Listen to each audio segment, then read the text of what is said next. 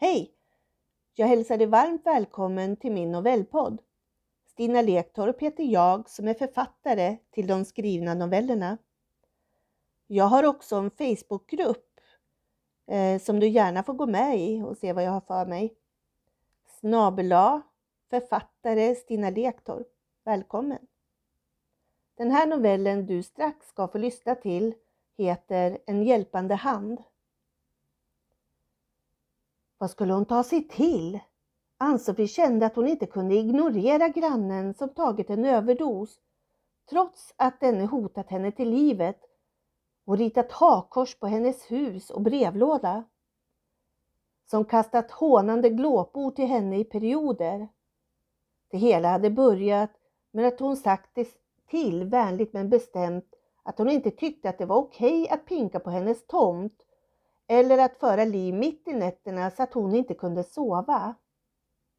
Ofta var hon jättetrött när hon kom till sitt arbete och arbetskamraterna började undra och fråga hur det var fatt med henne. I början hade Ann-Sofie slätat över att det inte var något problem.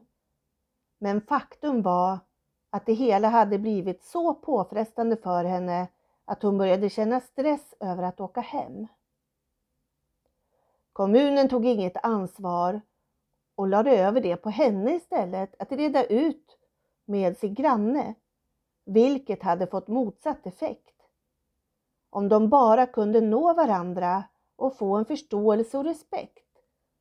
Det var väl inte för mycket begärt.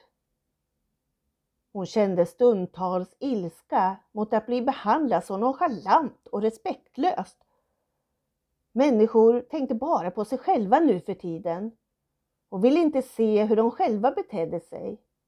Men att de tyckte att det var helt okej okay att säga åt henne att hennes hund skällde när brevbäraren kom eller vaktade ute på tomten. Kanske skulle hon låta sin hund pinka på grannens tomt och se om det skulle blivit populärt. Tankarna var destruktiva men de hjälpte henne att få ur sig frustrationen hon byggt upp och bar på. Den här dagen hade hennes granne tagit en överdos av narkotika och det var Ann-Sofie som upptäckte henne liggandes helt livlös halvt på hennes tomt. I någon sekund funderade hon på att inte hjälpa henne på grund av allt som hänt dem emellan. Men sedan stod hon bort den tanken och såg en människa som behövde hjälp.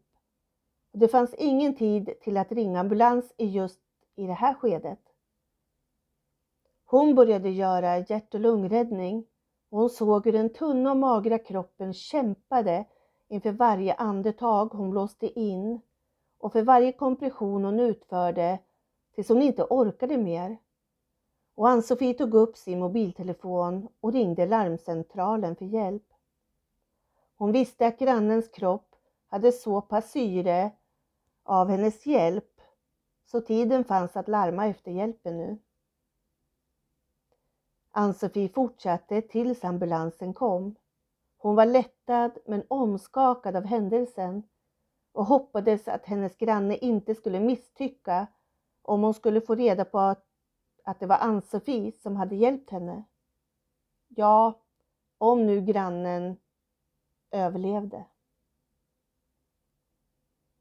Efter några veckor fick Ann-Sofie syn på att hennes granne kommit hem igen och hon tyckte att hon blivit lite rundare. Ann-Sofie visste inte hur hon skulle förhålla sig så hon gjorde som hon alltid brukade göra. Hon höll sig ur vägen och tittade ner när hennes granne hon räddat kom ut samtidigt. Festerna hade upphört och trakasserierna likaså. Men Ann-Sofie höll andan och vågade inte hoppas på att det kunde vara över. En dag knackade det på Ann-Sofies dörr och hon öppnade dörren ovetandes av vad som skulle komma. Utanför hennes dörr stod hennes granne som för några månader sedan tagit en överdos hennes granne tittade ner lite urskuldrande och räckte över henne en liten blomma. Hon lyfte blicken och såg rätt in i Ann-Sofies ögon och hon sa rätt ut Förlåt mig. Och tack. Ann-Sofie blev först dum och kände sig stel i kroppen som om hon hade förväntat sig det värsta. Och kunde hon lita på den här personen? Troligen inte, tänkte hon, men hon höll upp sin dörr och frågade grannen om hon ville komma med in. Först satt de mitt emot varandra i en lång och ganska plågsam tystnad. Ingen av dem vågade säga något eller visste inte vart de skulle börja. Grannen började och berättade för henne att det inte var sådan hon var.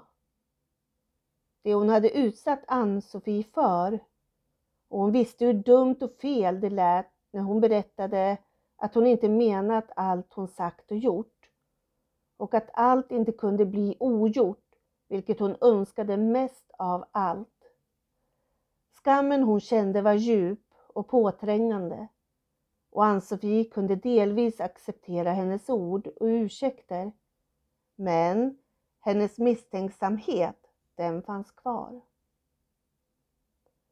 Efter deras samtal började Ann-Sofies bearbetning och hon kunde ändå känna tacksamhet över att hon räddat en annan människas liv trots att denna människa hade velat göra henne illa och se henne död själv. Det hela blev lite surrealistiskt och hon kunde fundera ibland om hon hade klarat av att inte rädda eller hjälpa sin granne. Troligen skulle hon gjort och agerat lika igen. Efter ett tag kom återfallen. Massa spring i huset bredvid, fester och hög musik. Hon kunde inget annat än att börja fundera på att flytta. Men vilken garanti hade hon att hon skulle slippa människor som bara såg sitt eget för att de hade problem själva eller tyckte sig ta rätten att göra precis som de själva behagade. Ann-Sofie hade blivit meddelad att hon skulle bli uppsagd på grund av att arbetsgivaren ej hade råd att ha kvar henne längre. Men hon skulle få betalt för sex månader och kunde söka efter ett annat arbete under tiden. Ann-Sofie började må psykiskt dåligt över att få avslag på avslag trots att hon hade så fina meriter och, och referenser. En kväll tackade hon ja när hennes granne bjöd över henne på en fest. Hon tänkte att det kunde väl inte skada och själv var hon trött på att vara. Under kvällen provade hon för första gången i sitt liv på att ta narkotika. Hon blev hög som ett hus och gick som på lätta moln. Hon var glad, euforisk och liksom hon bara svävade fram och, och där tid och rum försvann. En jätteskön känsla att befinna sig i. Det här hade börjat, börjat lite successivt och utan att hon själv hade stoppat det var hon fast i narkotikans värld. Allt såg bra ut på utsidan, städat och fint med rena kläder och hem. Ann-Sofie tyckte inte det var så farligt som hon tidigare hade tyckt om både människor som höll på med droger och drogers farliga inverkan. Samhället och livet var en tuffare upplevelse, så varför inte fly från det ett tag, tänkte hon. Hennes inställning var en helt annan än för något år sedan. Hon hade inte heller märkt av att hennes kropp magrat av. Hon och grannen kom jättefint överens och det verkade som att hon glömt bort hoten och att hon fått rädda sin granne ifrån att dö. Hon trivdes i sin illusoriska verklighet där dagarna och tid försvann och hon slapp bry sig om alla kraven och måsten för en stund. Hon hade dessutom fått en vän på köpet, matade hon sina tankar med. Att hon började låta sig utnyttjas av manliga gäster som kom och gick tänkte hon bara på att hon kunde styra själv om hon ville och de gav henne pengar eller knark.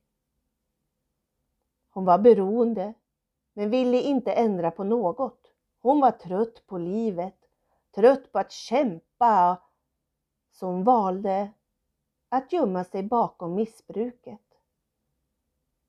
Hon bortförklarade det med att alla mer eller mindre hade ett missbruk och det var ingen som bad om att sluta eller lägga av med det, tänkte hon. Och förresten, vem fan skulle bry sig om hundra år i alla fall? Ann-Sofie kvicknar till i ambulansen och börjar slita av sig droppet och ropar Jag ska härifrån nu! Hon ser att hennes granne sitter tyst på sidan och hon lägger sina händer lugnande på Ann-Sofie och säger Ett liv för ett liv. Nu räddar vi varandra. Tack för att du lyssnade på den här kortnovellen och välkommen tillbaka. Lämna gärna en fin kommentar på min Facebookgrupp. Snabel författare Stina Lektorp. Tack på förhand.